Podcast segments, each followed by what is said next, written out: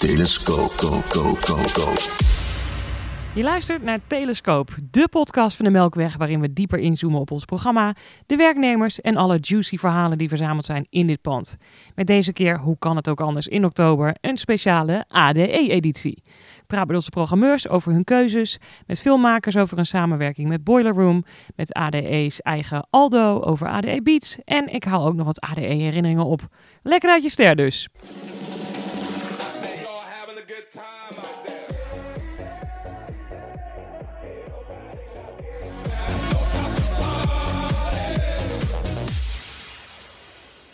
Tijdens de ADE is het niet alleen maar mensen treffen links vooraan bij de boksen, maar ook overdag kan je in alle rust netwerken, mensen ontmoeten en ook natuurlijk ook heel veel leren. Een van de mensen die tijdens ADE zorgt voor genoeg stof tot nadenken, dat is Aldo Bruining. Van Aldo, eh, van Aldo Beats zou ik zeggen, maar dat, zou wel, dat is wel heel leuk. ADE Beats. AD Beats, ja. Ja, ja, Niet meer credits eh, pakken dan eh, nodig. Nou ja, eh, laten we heel eventjes, je mag jezelf even uitleggen anders, want ik hoorde net dat je een stuk meer deed dan, dan ik dacht dat je deed voor ADE Beats. Ja, klopt. Ja, ehm, wij eh, organiseren al negen jaar eh, Beats. Vijf jaar lang in eh, Rotterdam. Toen heette het nog Rotterdam Beats in november. En sinds 2015 zijn we officieel onderdeel van ADE in de Melkweg. En ben ik ook in de tussentijd gepromoveerd van alleen maar conferentieprogramma tot de helft van de directie. Ja, dat is nogal wat. Dus Ja, eigenlijk, nou ja, eigenlijk kan ik dit wel een beetje Aldo Beats van eh, zes mensen hoor. Dus het, eh, het, het klinkt groter dan het, eh, dan het is. Oké, dan, dan houden we het lekker op ADE Beats. Hey, ehm, eh, eh, back in the days was ADE natuurlijk wat, wat meer afgebakend. Hè? Tegenwoordig Ja. is het al wat breder getrokken, onder andere met ADE Beats. Ja, zeker. Ehm, zeker. Wat, vind je dat een logische stap? Dat, dat er nu ook ADE Live, ADE Beats, al die dingen omheen zijn? Ja, tuurlijk. Anders zou ik Zou niet er niet bij organiseren. zitten? Ja, maar ja, ook- ik denk dat het ook- een hele logische stap is. Zeker ook om eh hip-hop, bass en beats, eh, zoals wij onze eh, categorie hebben samengevat, hierbij te voegen. A, omdat het gewoon de, de, de kruisverstuivingen tussen de, de dance en alles wat altijd bij ADE al was en hip-hop en uh, aanverwante muziekstromingen al heel erg zijn. Er waren altijd heel veel overlap in soorten sprekers die wij allebei konden hebben. Eh, we hadden twee jaar geleden Hudson Mohawk bijvoorbeeld. Eh, nou ja, dat is net zo goed ADE als Beats. Eh, om even een heel simpel voorbeeld te noemen. Ehm, en ehm, ja, hip-hop is gewoon de meest gestreamde muziekstroming ter wereld. Dus het is voor iedereen's interesse en relevantie denk ik belangrijk om met elkaar geconnect te blijven. Dus ik denk dat het gewoon een hele logische stap is. Hey, en eh, nou is er een heel groot programma opgezet hier in de Melkweg voor ADE Beats. Ja. Wat, waar vond jij dat de focus een beetje moest liggen dit jaar? Mm, Ja, dat is, eh, dat, die vraag stellen mensen ons vaak. Ook van wat is het thema dit jaar? We hebben elk jaar wel een thema en een focus, maar dat komt een soort van natuurlijk. Eh, vorig jaar zaten we heel erg op eh, This is Not America, omdat we op een gegeven moment zagen van nou, alle sprekers die we, die, die we hebben en die we nu tof vinden en, relevant vinden. De focus is heel erg van weggegaan vanuit Amerika en nu weer meer naar alle andere werelddelen. Eh, dit jaar hebben we wel weer een hoop Amerikanen erbij, maar ook juist al die andere werelddelen. Dus dit jaar hebben we het over van Atlanta tot Mumbai. Eh, omdat we gewoon hele toffe eh, Amerikaanse sprekers hebben, maar ook focus hebben op India en eigenlijk heel Azië. En alles wat ertussenin ligt. Ja, want het is inderdaad op, op veel plekken nu gewoon gigantisch geworden. Hè? Ook alleen al de Nederlandse hip-hop scene is natuurlijk veel groter dan, Ja. eh, dan, dan ooit geweest, zou ik bijna zeggen. Zeker. Ja, ja. Ja, de hele top 50 is eh Nederlandse heel zo'n beetje volgens mij. precies. Dus dat, Dat zijn eh, mijn oogkleppen, maar dat, dat is wel, ja. maar de, de focus ligt wel weer een beetje weer terug op Amerika, als we jou mogen geloven. Nou, nee, niet per se alleen maar eh, eh, Amerika. Maar we, er gebeuren daar gewoon ook nog steeds heel veel toffe dingen. Dus vorig jaar zaten we heel erg er vanaf. En nu pakken we eigenlijk gewoon de hele eh, global scene, eh, zoals we het noemen, eh, erbij. Dus zowel Amerika als Europa als eh, Azië in dit geval. En ook eh, Afrika. Want we hebben bijvoorbeeld ook de eh Katie eh, Gie, even achternaam, dat is het geloof dat is de zus van Econ. Maar ook CEO van zijn bedrijven, waarmee hij ook heel erg investeert in, in Afrika. Dus ook die hebben we er allemaal bij. Ja, had hij niet een eigen, eigen muntsoort ook gekregen of zo? Wat was die man allemaal aan het doen? Die had enorme plannen is die aan het opzetten. Hè? Ja, hij, hij investeert eigenlijk het geld dat hij heeft verdiend in de popmuziek eh, in eh, eh, bedrijven die eh, Afrika verder helpen in, eh, eh, in, ontwikkeling. Maar daar verdient hij ook gewoon een hele goede boterham mee. Dus dat is een hele interessante manier. Hij heeft het Lightning eh, eh, Africa, het project geloof ik, waarin heel erg veel met zonne-energie eh, daar eh, bezig is. Ja, dat is super tof. En gewoon vanuit heel veel verschillende standpunten super interessant. Eh, waar ze bij ons dan vooral ook gaan praten over eh, eh, ondernemerschap, point of view. Dat is gewoon heel tof om te zien wat hij dat doet. Is dat sowieso iets wat veel voorbij gaat komen tijdens ADE? Dat je niet meer kijkt naar alleen het muziek maken, maar ook gewoon alle randbusinessen die er, die er zich een soort van omheen kan trekken tegenwoordig, omdat het zoveel groter is geworden. Totaal, ja. Sowieso is ondernemerschap altijd een heel belangrijk onderdeel geweest van, van ADE Beats en van ADE überhaupt. Eh, eh, waarin wij ook met, met ADE Beats ook nog meer focussen ook op eh, independence. Omdat er gewoon heel veel toffe independent artiesten in hip-hop zijn. en die proberen we ook altijd te ondersteunen. En ja, ondernemerschap is, is, is, is gewoon heel erg verbonden met muziek maken tegenwoordig, denk ik. Dus dat is altijd een onderdeel. Wat, als je kijkt naar het programma nu, wat zijn een paar van de, van de onderdelen waar jij echt heel erg trots op bent? Dat je denkt, shit, ik ben zo blij dat die erin zit. Ehm, ja, dat zijn er best wel veel. Ik ben, we, hebben echt een hele toffe lijn aan producers staan. Eh, om te beginnen met London on the Track, die ook hier op Encore staat eh, op eh, de zaterdag. En wat ik tof vind aan dat soort artiesten is dat ze niet alleen zijn komen, maar dat ze ook ons benaderen of ze kunnen praten op, op beats. En dat laat ook zien, voor, voor mij in ieder geval persoonlijk, van dat we nu na negen jaar ook zien dat, dat we ook vanuit dat soort landen, dat ze ook gewoon zien dat wij relevant zijn. Eh, en dat tof is om bij ons te komen praten en je verhaal te, te delen. Dus ik ben heel blij dat dat kaliber eh, producers gewoon eh, naar ons toe komt. Eh, daarnaast hebben we eh, de Jillionaire, eh, die eh, in een eh, samenwerking met de Foodlocker die we hebben eh, hier op het podium gaat zitten. Eh, en eh, 21 vragen gaat beantwoorden die vanuit sneakers worden gesteld. Eh, en een hele toffe samenwerking samen met eh Akai, waarin we Just Blaze, Nana Rogues en Steel Bengals hebben. Eh, die eh, met z'n drie in een panel zitten en daarvoor eh, over 30 jaar beat ma- maken. En daarvoor doen Nana Rogues en Steel Bengals ook nog een beat helemaal deconstructen. Dus gewoon helemaal laten zien hoe ze van begin tot eind tot die beat zijn gekomen. Dat, dat is een hele toffe, denk ik, producerslijn die we hebben. En internationaal. En daarnaast heb je, hebben we een hele toffe Nederlandse line-up ook. Met Young Felix en Jack Chirac. Die komen vertellen over hun internationale moves op dit moment. Waarin Felix met eh, Loco eh, helemaal gek gaat hoe, hoe, dat, hoe hij eh, nu opgepikt. De laatste keer dat ik keek zat hij op 20 miljoen streams of zo. Meer zelfs. Zo. En die wordt nu hij wordt opnieuw uitgebracht door Def Jam Frankrijk. Dus dat is heel interessant hoe dat gaat. En Jack Chirac die net met Bad Baby een track heeft uitgebracht en nog veel meer internationale dingen aan het doen is. Dat is heel erg tof ook om te zien hoe Nederlandse producers ook dat soort stappen aan het zetten zijn. En daarnaast hebben we ook nog een interview met, met Moula B.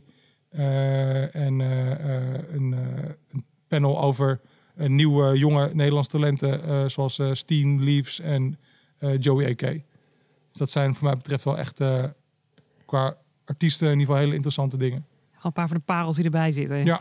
Hey, en mensen kunnen ook, je kan ook je, je, pitch doen hier, geloof ik, hè, de hele dag. Zeker. Ja, ja, dat, Hoe werkt dat precies? Uh, de hele dag, het is, het is gewoon ochtends. We doen dan van uh, 11 tot half 1 hebben de demo pitch. En dan kan je uh, ongeveer 10 minuten, kwartiertje krijgen de tijd om aan professionals je muziek te laten horen. Of je uh, bio of gewoon je verhaal.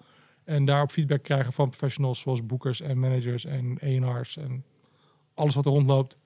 Uh, altijd heel waardevol voor, uh, voor de talenten en, en ook wel voor de professionals, omdat ze gewoon kansen hebben om talenten te spotten voordat ze op het podium staan. Zeker. Lekker als dat hier allemaal onder, uh, onder, onder AD zou gebeuren natuurlijk. Ja. Uh, wie staat er nog op jouw verlanglijstje? Wie zou je eigenlijk nog heel graag een keertje binnen willen halen? Uh, nou, we waren vorig jaar bezig met Dapper Dan. Dat zou ik nog wel heel, heel vet vinden. Maar uh, die is wel iets in prijs verhoogd sinds Gucci, denk ik.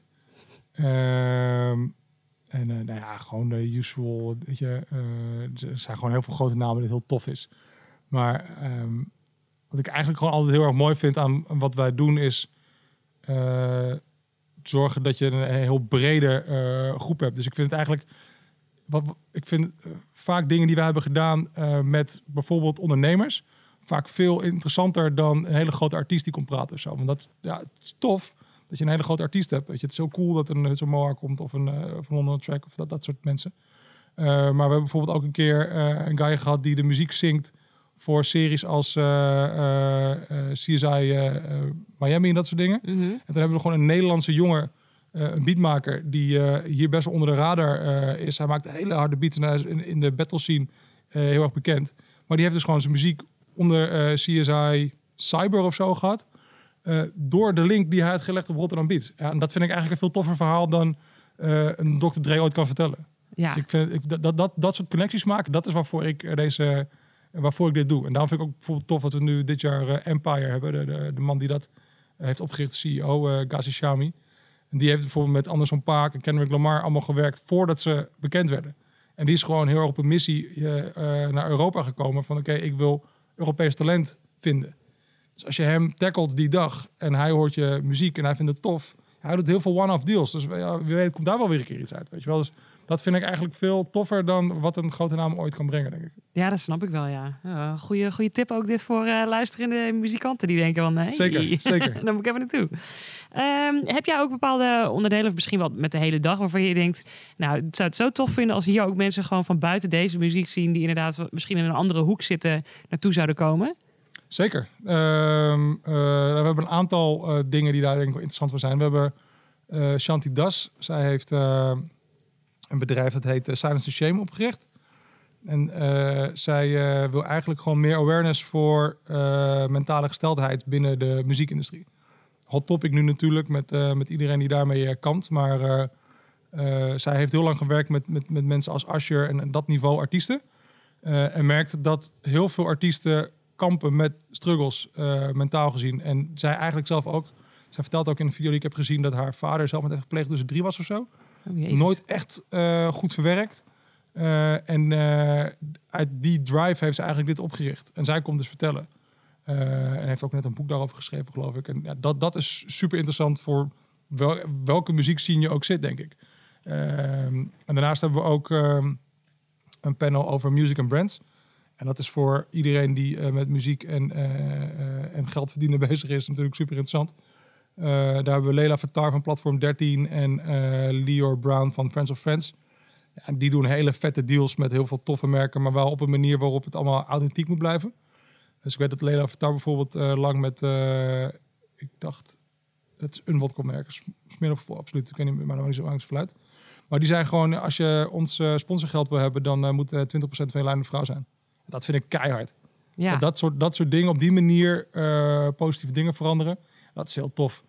Eh, en die Leo Brown had bijvoorbeeld ook een showcase van Corrupt in een bankkluis in L.A. Maar hele, eh, hele toffe samenwerkingen die alleen maar mogelijk zijn als een sponsor zegt, oké, hier heb ik geld voor. En dat zijn denk ik hele interessante dingen voor, voor alle muziekindustrie mensen.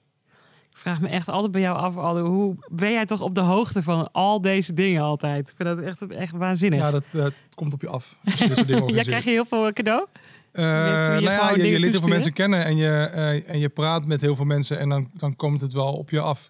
Het is niet dat ik dit allemaal al wist voordat eh, dit jaar ADE begonnen. Nee, heel dat- deze dat informatie ik. weet ik omdat het dit nu Omdat je mee bezig bent. Ja, Ja, nee, even voor de mensen die jou eh, niet kennen. Jij, weet je, want jij zit naast eh, in deze scene, zit je ook nog. Je bent ook in de klassieke muziek bezig, in de Zeker. elektronische. ja, ja. ja. Noem maar Ik- op. Ik, En, eh, organiseer Aldo, ook eh, eh, eh, 24 Chambers, inderdaad, eh, klassieke muziek op bijzondere plekken. ja. Ook tijdens ADE trouwens. Echt? Eh, ja, eh, in samenwerking met Cello Biennale en ADE naast het muziekgebouw aan het ei.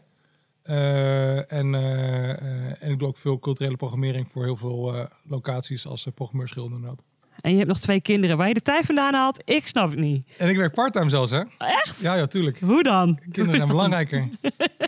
Nou, ik ga straks nog eventjes bij jou denk ik even een kleine workshop volgen. Want dan kan ik ook nog wat dingen van leren. Ehm, hey, wat, hoe hoop je dat eh, ADE Beats zich gaat ontwikkelen de komende jaren? Heb jij een bepaald doel nog voor ogen waarvan je denkt, oh, dit, dit, hier wil ik naartoe? Ehm, ja, nou, wat ik, wat ik eh, fijn vind aan hoe we het organiseren is dat we, we zijn echt een samenwerkingspartner van ADE, maar we doen ons programma wel onafhankelijk. En dat komt ook omdat we onze eigen eh, funding eh, organiseren. En dat vind ik heel tof. En ik zie ook dat daar nu groei in zit, ook met onze nieuwe partners dit jaar. Dus daar wil ik gewoon heel graag verdere groei in, omdat ik ook zie dat echt goede samenwerkingen inhoudelijk ons programma verbeteren. Dus het gaat niet over ik wil meer geld van partners. Ik wil geld van partners omdat ik toffere inhoud kan doen dan. Eh, dus daar zie ik heel veel eh, mogelijkheden tot groei. Eh, daarnaast zou ik gewoon heel graag nog meer internationale bezoekers willen. Vorig jaar hadden we 25% geloof ik. Ja, dat zou tof zijn als het gegeven moment gewoon richting de 50-50 gaat of zo. Maar ik wil wel altijd ook een, de, de hub blijven voor Nederlandse scene. Dus ja, die, die zullen ook altijd blijven, blijven omarmen. Want hoe, hoe werkt het eigenlijk bij ADE? Eh, k- krijg je, ook als je zeg maar niet je eigen funding hebt, veel vrijheid om, eh, om zelf eh, invulling te geven? Of ze Ja, ja, eh, Ja? zeker. dat Maar- idee heb ik namelijk wel altijd, maar Ja. ik, ik weet het niet. Nee, absoluut. Voor de- die, die vrijheid is, is er eh, absoluut. Eh, maar je, je voelt je natuurlijk gewoon wel heel eh, vrij als je gewoon eh, redelijk eh, zelfstandig kan, eh, kan opereren. ja. nee, dat snap ik. Nou, tof. Ehm, Los van dat ADE ons wel ontzettend ondersteunt hoor, zowel financieel als productioneel. oh, gelukkig. Ja, Moet je even zeggen, hè, voor de sponsor. Natuurlijk, nou ja, voordat ze meeluisteren en zeggen ho ho. Tik op je vingers. nou, volgens mij ben je redelijk eh, onmisbaar geworden in de afgelopen jaren, toch? Dus eh, ik zou het niet heel voor zijn. Nou, tof. Ehm, voor iedereen die denkt eh, dat ze naar Amerika wilde heen. eh, vrijdag 19 oktober vanaf 10 uur is de hele dag in Melkweg van alles doen onder ADE Beats. Zeker. En de dag hebben we zelfs nog een eh, Prospect eh, documentaire. Ook Eh, nog. Dat presenteren wij ook samen met eh, Prospect en, en de Melkweg. Wist ik natuurlijk wel. Ik was even aan het testen of jij nog op de hoogte was. Oké, tof. Nou, genoeg te ontdekken. Dus allo, super bedankt. Ik ben benieuwd wat deze dag gaat brengen. Yes, thanks. Ook de cinema van Melkweg duikt ADE in. En wel met een film gemaakt in samenwerking met Boiler Room genaamd Migrant Sound. Aan tafel Ravi Amaratunga Hitchcock van Pi Studios. Ravi, could you uh, maybe start off with giving a small synopsis of Migrant Sound? Yes, Migrant Sound is about um, the uh, impact the Windrush generation in the UK had over four generations on UK and world music culture. Yeah, so let's get into that a little bit deeper because um, what exactly was the Windrush for people who don't know it? Yes, so the Windrush generation uh, essentially were a group of migrants who came from the Caribbean in uh, 1956 on the Windrush SS Windrush, um, who were brought over to help rebuild Britain after the war, uh, and they were kind of the first round of non-white immigrants really en masse that came to the UK.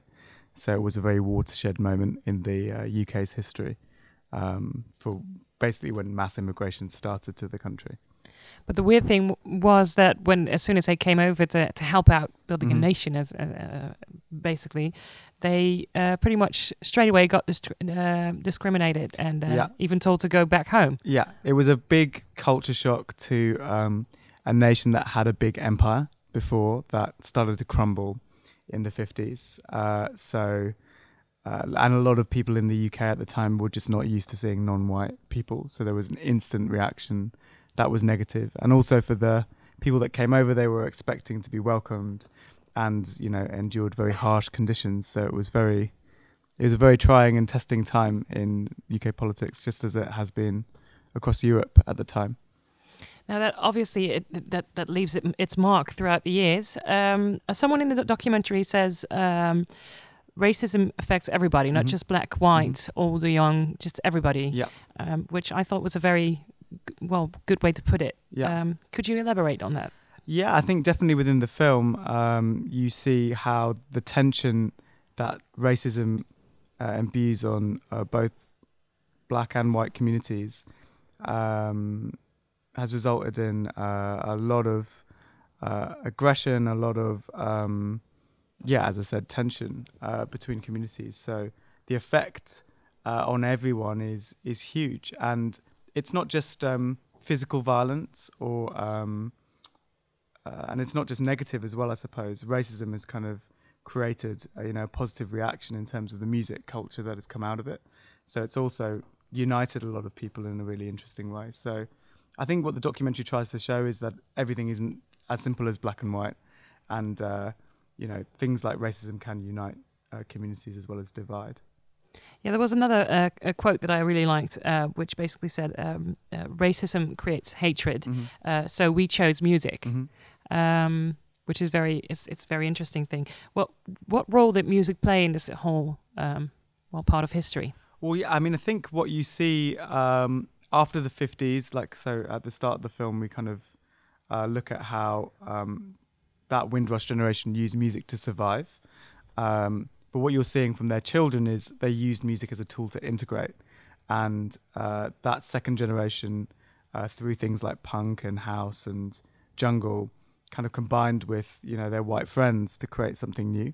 So I think uh, music as the antidote uh, definitely brought communities together through you know using influences from different places to to fuse together to create new sounds which is really interesting And it's also obviously music is very emotional, and Mhm. um, I thought it was interesting to see in a few small bits already that, um, well, one one kind of music maybe puts out more of the aggression and the anger, and the Mhm. other part uh, is more about uh, standing up for yourself or just trying to get love to Mhm. fix everything.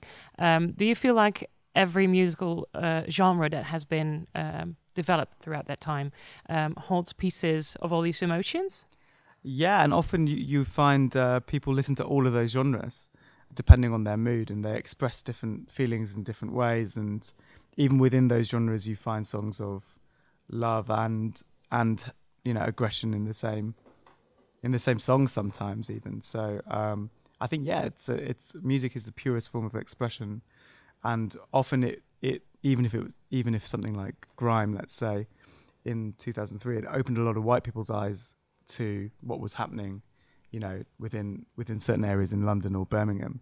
So uh, it's not just emotional; it's also a way of uh, allowing people to understand uh, the feelings of people who are expressing those things. Could you uh, maybe uh, tell a few things about the musician Smiley? Mm-hmm. Because he's in the film as well, isn't he? Yeah. So, well, Smiley Culture is not in the film, but we talk we talk about him. So, Smiley Culture was a really popular um, uh, reggae musician in the '80s, and kind of was very high in the charts, and uh, was very much loved in his community in Brixton in London.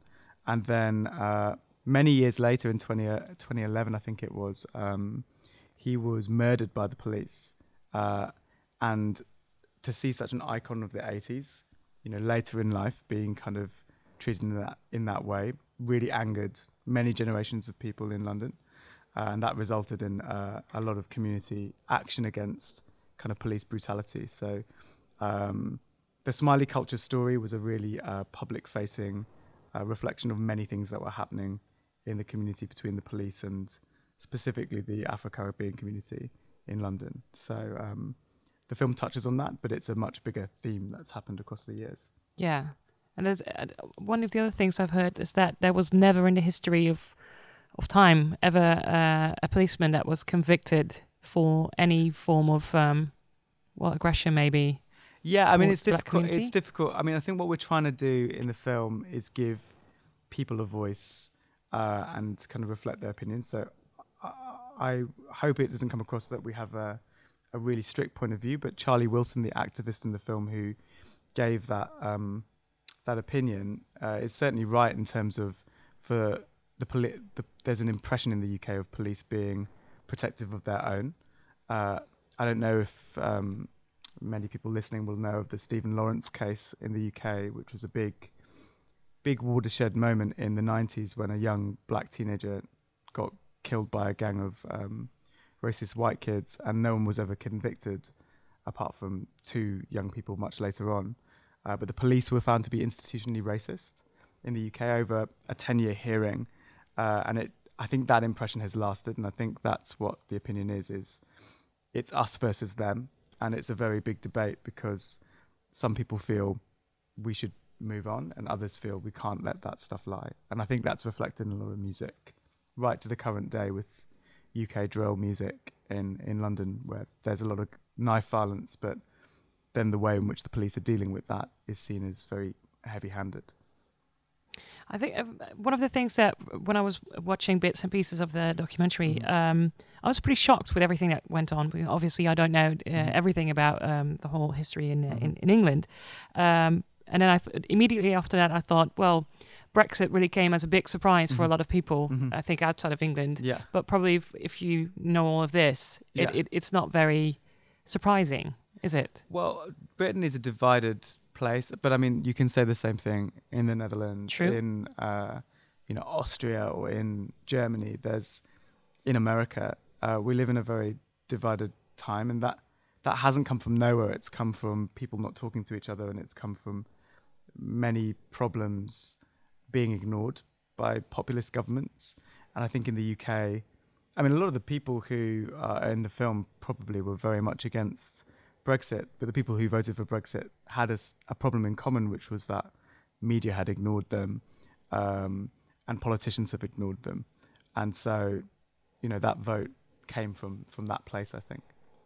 So, um, when we're having the viewing of the film here in uh, Melkweg um, during ADE, it ends with a Q&A with you Yeah. and with the director of the film, Jeremy Cole, Yeah. and the CCO of Boiler Room, Stephen Mai. Yeah. Now, could you tell me something about how you all came to work with each other? Yeah, so well, it's interesting. Jeremy is someone I've worked with for a very long time. I used to work at Channel 4, the UK broadcaster, and I think I gave him his first commission uh, many years ago. So I've always wanted to do a kind of bigger piece with him, and he's a really talented uh, and very uh, emotive, gentle filmmaker, and I think you can see that in the type of film that's been made. And Stephen is Stephen's just moved to Boiler Room quite recently, and has a big vision of kind of making it more than just an underground music platform and talking about big issues like immigration. So he and I have been talking for a long time about um, changing music documentary and changing the way in which we did it. So I think uh, my role was kind of linking those those two together, and it'd be interesting to to talk about that at the event as well and see what the audience think.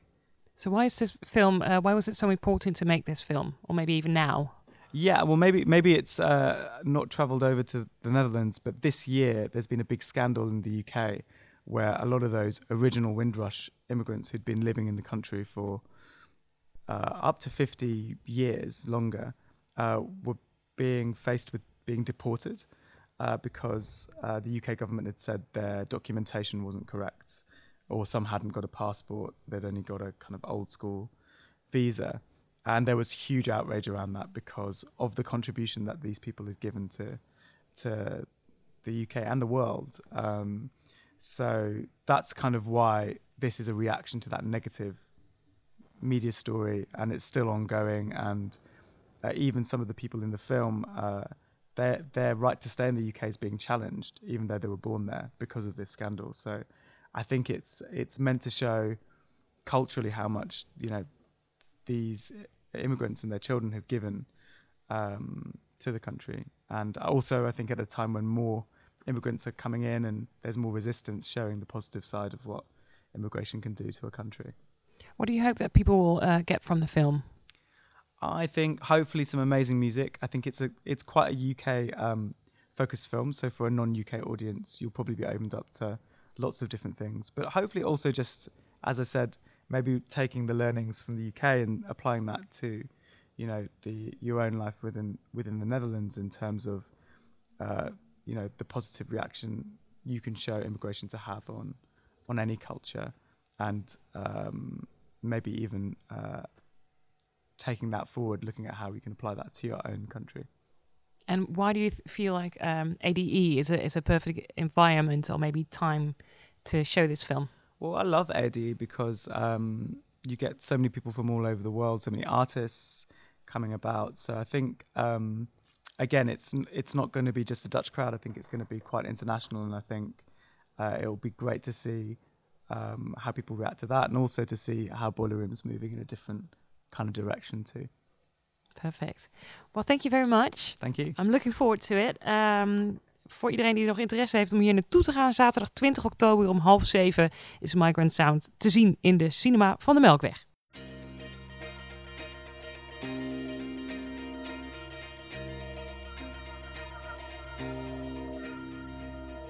Elke maand een paar shows kiezen om het over te hebben is sowieso al een uitdaging. Maar rond ADE is het wel de drukste tijd van het jaar. In de zee van aanbod in deze periode de juiste shows gaan programmeren. Die er ook nog eens uit gaan springen, dat is een kunst op zich. Aan tafel programmeurs Camille en Anna. Anna, laten we eens even beginnen. Eh, want ADE Live is een beetje jouw eh, categorie, hè? Ja, dat klopt. Nou, samen met Camille eh, en eh, de Sugar Factory en de Paradiso. Het is een samenwerking eh, tussen drie zalen. Ehm, eh, organiseren wij nu voor de derde keer eh, ADE Live op 17 en 18 oktober. Eh, op de woens- woensdag 17 oktober is het Paradiso en Sugar Factory programma. En de Paradiso staat eh Royce Murphy en eh Lisa en Damfunk. En in de Sugar staat eh Mauskowitz Dance Band onder andere. Ehm, en wij hebben dan op donderdag in de Melkweg Agar Agar staan. Franse eh electro duo. Ehm, Red Access, eh, eh, Civica. Nou ja, een heel, eh, Heel mooi, Scala groot mensen. programma. Dat lijkt me dat best een uitdaging, want bij ADE denkt iedereen natuurlijk automatisch aan eh, nou ja, elektronische muziek. Ja. Ehm, dan toch een live programma gaan neerzetten. Eh, wat voor dingen, waar let je op als je dan gaat programmeren? De ehm AD Live is eh, ontstaan vanuit de behoefte om inderdaad meer live te boeken. Omdat er ook gewoon meer live eh, aanbod is in de elektronische eh, hoek.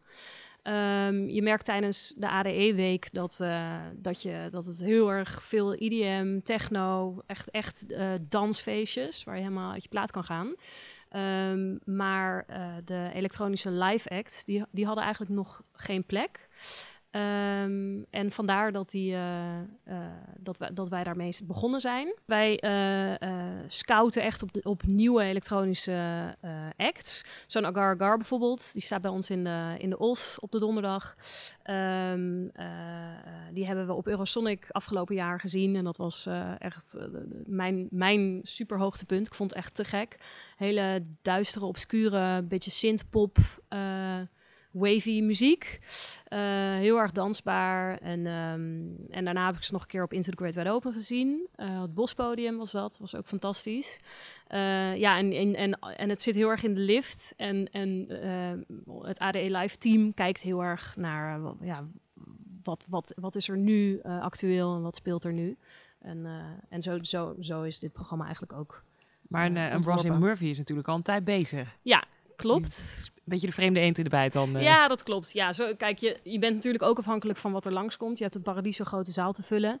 Eh, een publiekstrekker is, is daarin wel heel belangrijk natuurlijk, Royce Murphy. En, en qua, qua sound past zij wel heel erg goed bij ADE Live. Het is natuurlijk live, elektronisch. Eh, ze heeft met Moloko eh de geschiedenis natuurlijk. En is nu voor zichzelf ehm, eh, bezig. En...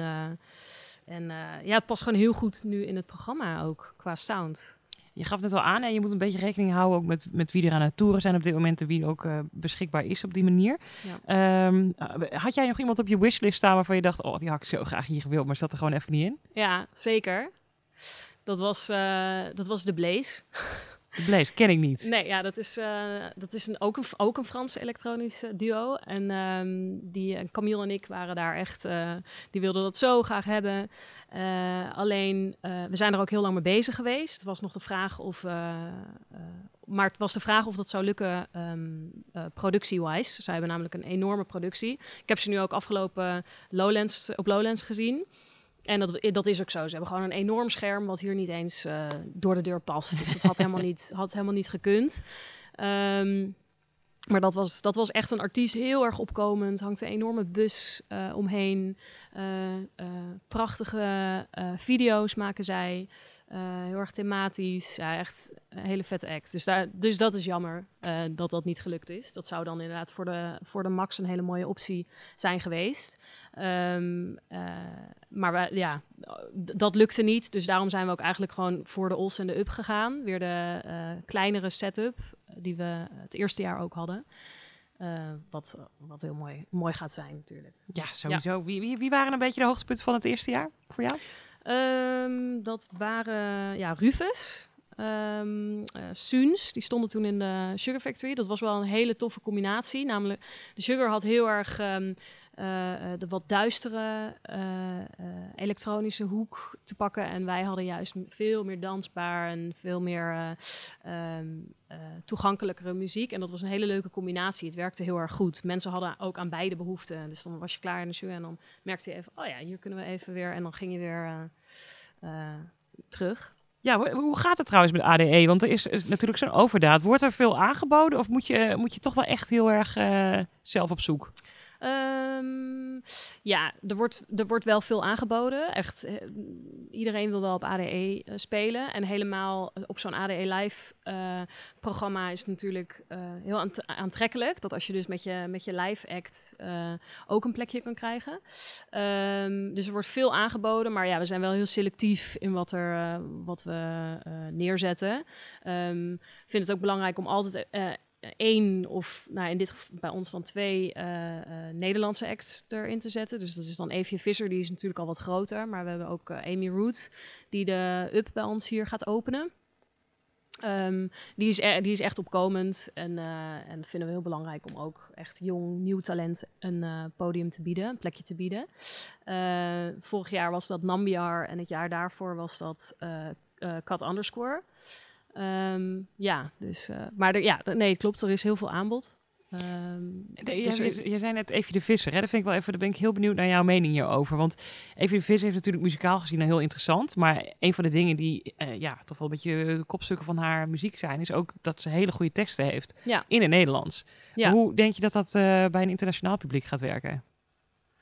Ehm, nou, haar nieuwe solo-project is sowieso al een stuk, eh, eh, is veel instrumenten, meer me- eh, instrumentaal.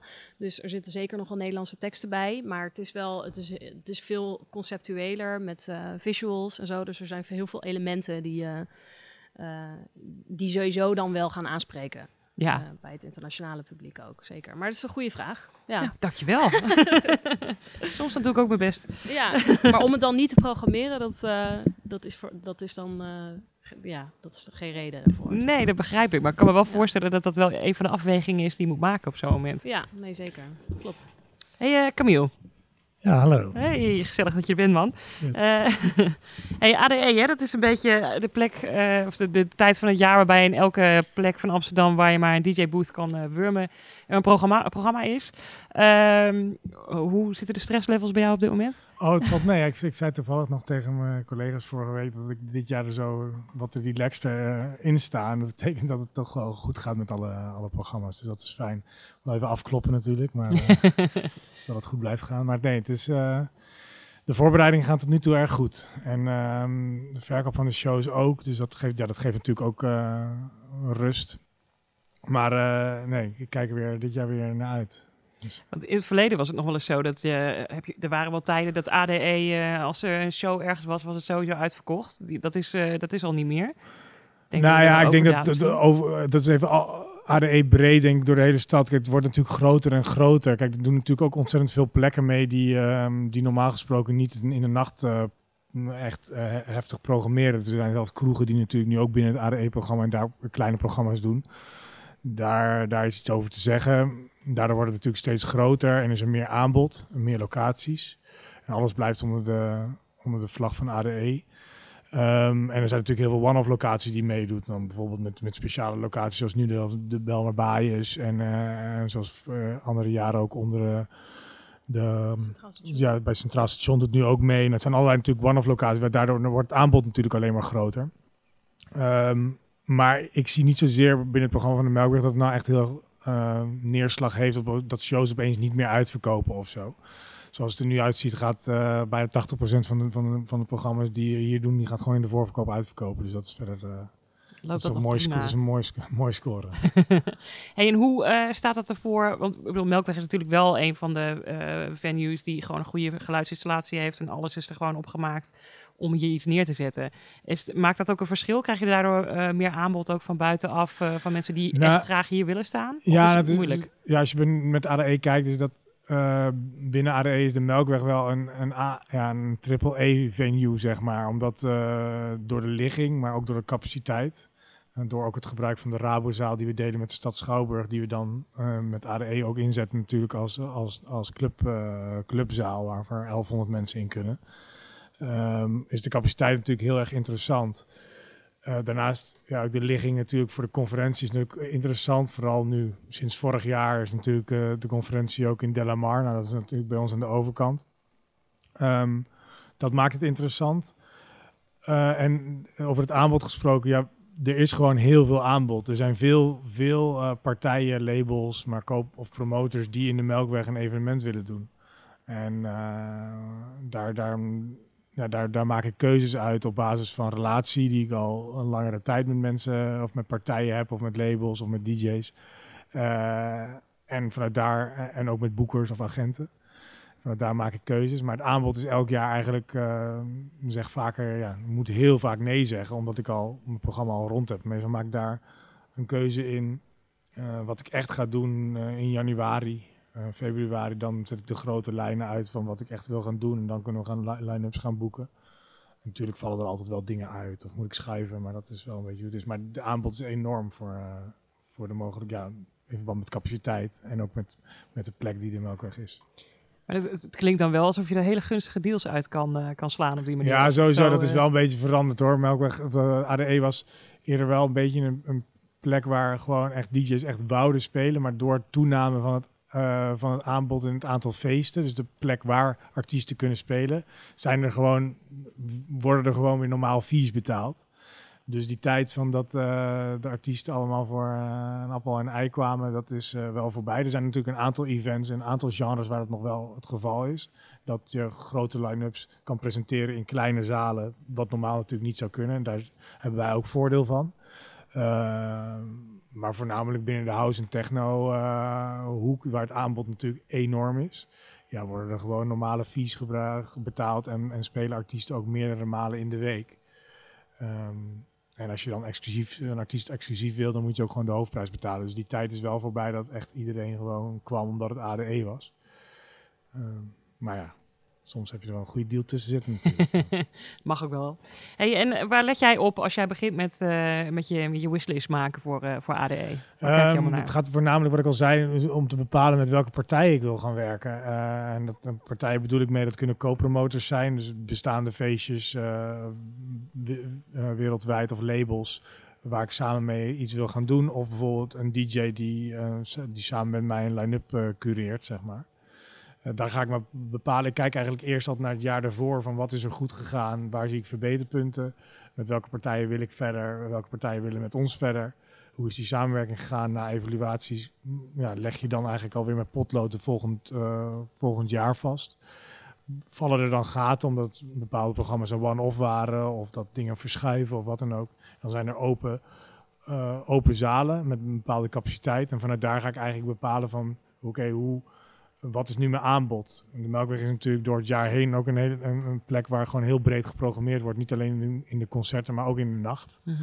Eh, Amsterdam Dance Event is natuurlijk wel voor inhoudelijk, inhoudelijke kwaliteits ehm, eh, elektronische muziek.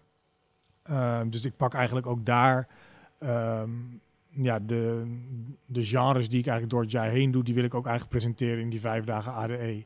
Dus wat dan daarna ook heel erg belang- belangrijk is, als ik voor een, ruwe schets heb gemaakt van een aantal partijen waar ik mee ga werken, dan ga ik kijken waar ontbreekt het mij nog aan.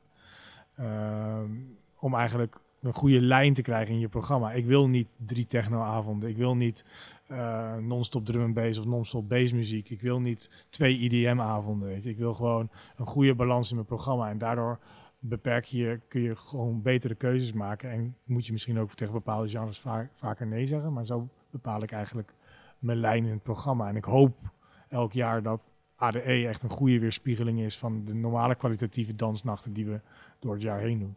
Maar ik vind het wel grappig dat je nu aangeeft dat je naar het afgelopen jaar kijkt. Want je zou juist verwachten met een ADE, zodat je een soort van vooruitziende blik gaat. Ja, kijk, het is moeilijk om. Je, tu- tuurlijk, je gaat. eh, ik bedoel dan meneer, meer met, met de partners waarmee je gaat werken. Mhm. Daar kijk ik naar vorig jaar. Line-up inhoudelijk, dat is pas een later proces. Dan ga je bepalen met welke, welke line-ups je wil gaan vormgeven. En dat doe je altijd in samen. Dat doen we in samenspraak met de partij waarmee ik werk.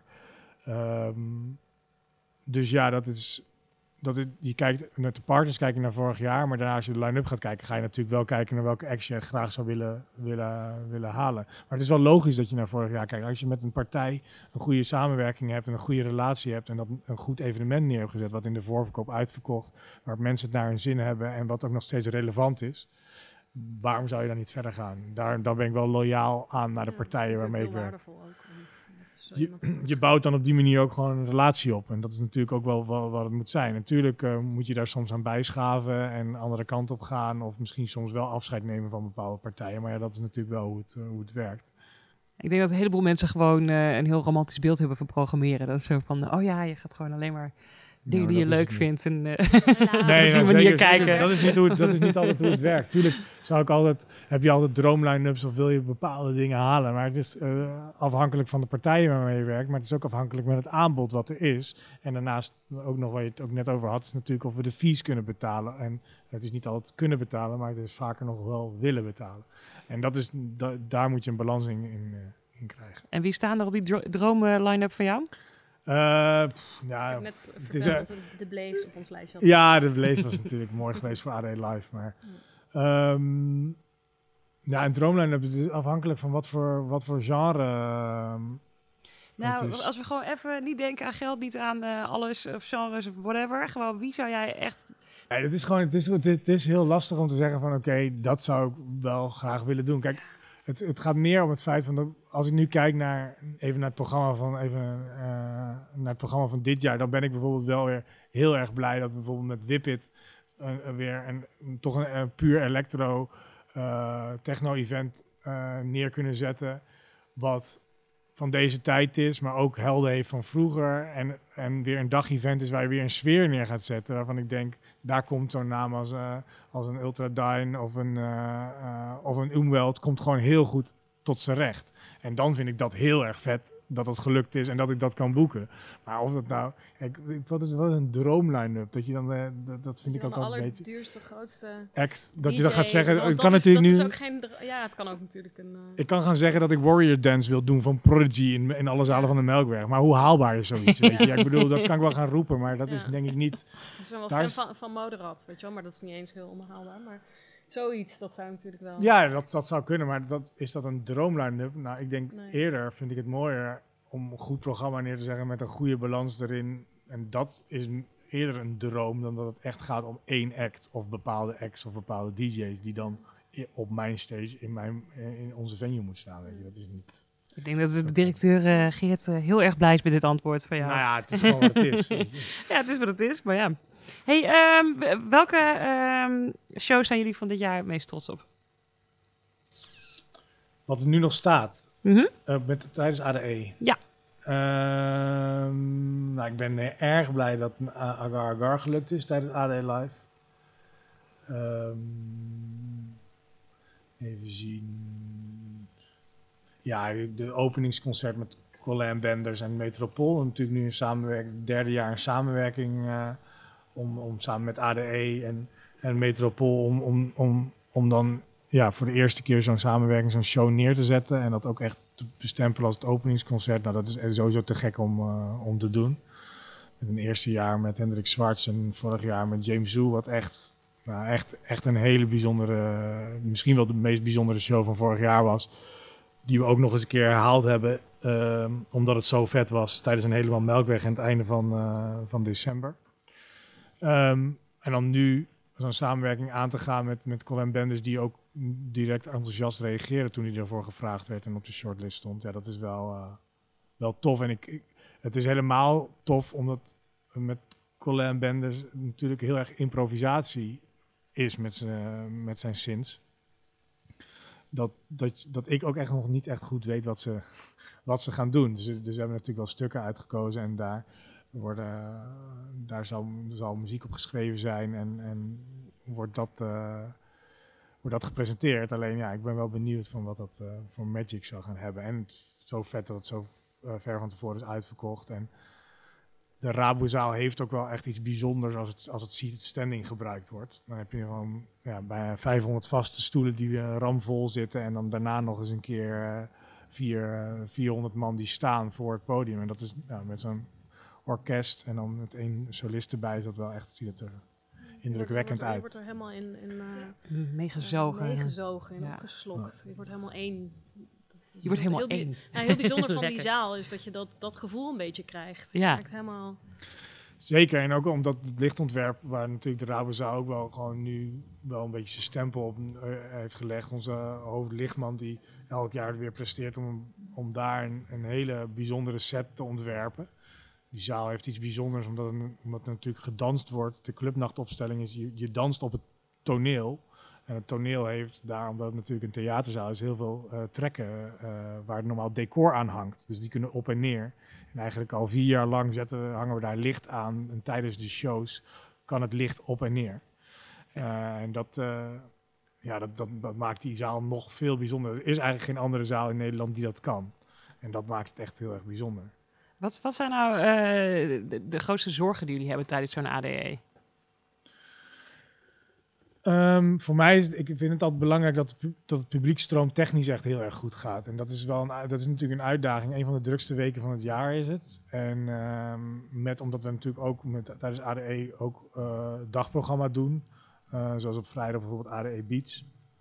Ehm, is het gewoon, het is heel belangrijk en de concerten doen en nachten, dat mensen wel, dat ja, de stromen tussen de verschillende mensen die komen en gaan, dat dat soepel gaat. Als daar op een gegeven moment toch een, eh, ja, vertraging in komt en eh, ja, dat is vervelend. En, eh, en dingen uitlopen of wat dan ook. Dus daar ja, het voorbereiden en die draaiboeken maken en daar goed naar kijken, dat is echt heel erg belangrijk. Dat vind ik heel erg, ja, dat vind ik, vind ik spannend, zeg maar, dat het goed gaat. We zijn ook gewoon van vrijdagochtend, eh 10 uur, 11 uur tot zaterdag eh, middag 5 uur zijn we gewoon non-stop open. Dus non-stop zijn er mensen binnen. Dat is ook natuurlijk ook een uitdaging voor het pand. We kunnen het aan, we hebben het vaker gedaan, maar het is altijd wel gewoon een, een spannend eh, ding. En als je dan ziet dat we toch per dag 3, 3.500 tot 4000 mensen verwerken, en soms misschien zelfs meer, misschien wel 5000 met concerten erbij. Ja, dat is wel gewoon een hele operatie voor een pand midden in de binnenstad van Amsterdam. Ja, dat is wel een logistiek dingetje inderdaad. Ja. En wanneer is eh, ADE nou helemaal geslaagd? Wat, wat, eh, Nou, ADE is geslaagd. Dat denk ik dat de avonden goed zijn verlopen zonder incidenten. Ehm, we goede positieve feedback hebben gehad van, van, van, van zowel bezoekers als van personeel, als van artiesten, als van co-promoters. En eh, als er nog een keer wat media komt kijken die ook nog eens een keer enthousiast is. En als ADE denk ik is ook geslaagd wanneer ADE Amsterdam breed goed is verlopen. Ehm, dat vind ik ook heel erg belangrijk. Ik ben toch een onderdeel van, van, eh, van het grote festival wat ADE is met meer dan 100, eh 100 zoveel locaties. En ja, eh, het is ook aan ons aller dat het ook op andere plekken goed gaat. Want het heeft natuurlijk, eh, als het niet goed gaat ergens, heeft het natuurlijk afspiegeling op iedereen. Dus dat, daar hoop ik ook altijd voor. Maar onder de leiding van ADE met alle, alle training en alle mm, regelgeving die daar is, heb ik daar grote vertrouwen op. Dus wel leuk. Dus eigenlijk had verwacht dat je hier iets zou zeggen van, eh, nou, als dit is meegegeven aan de mensen of dat is gebeurd, of, eh, maar het is eigenlijk heel simpel. Als everybody happy is, dan is het ja, gewoon, nee, eh, dat is, dat is natuurlijk mooi. wel heel, heel erg belangrijk. En, eh, Is ADE vooral een voor- gevoel? Is, is, zou je dat zeggen? Eh, nou, gevoel. Ik denk dat het ook voor veel mensen gewoon eh, een week in het jaar is waar ze lekker, kunnen- partyen. lekker kunnen partyen. en vooral als je, als je bezoeker bent. gevoel. Ja. Ja.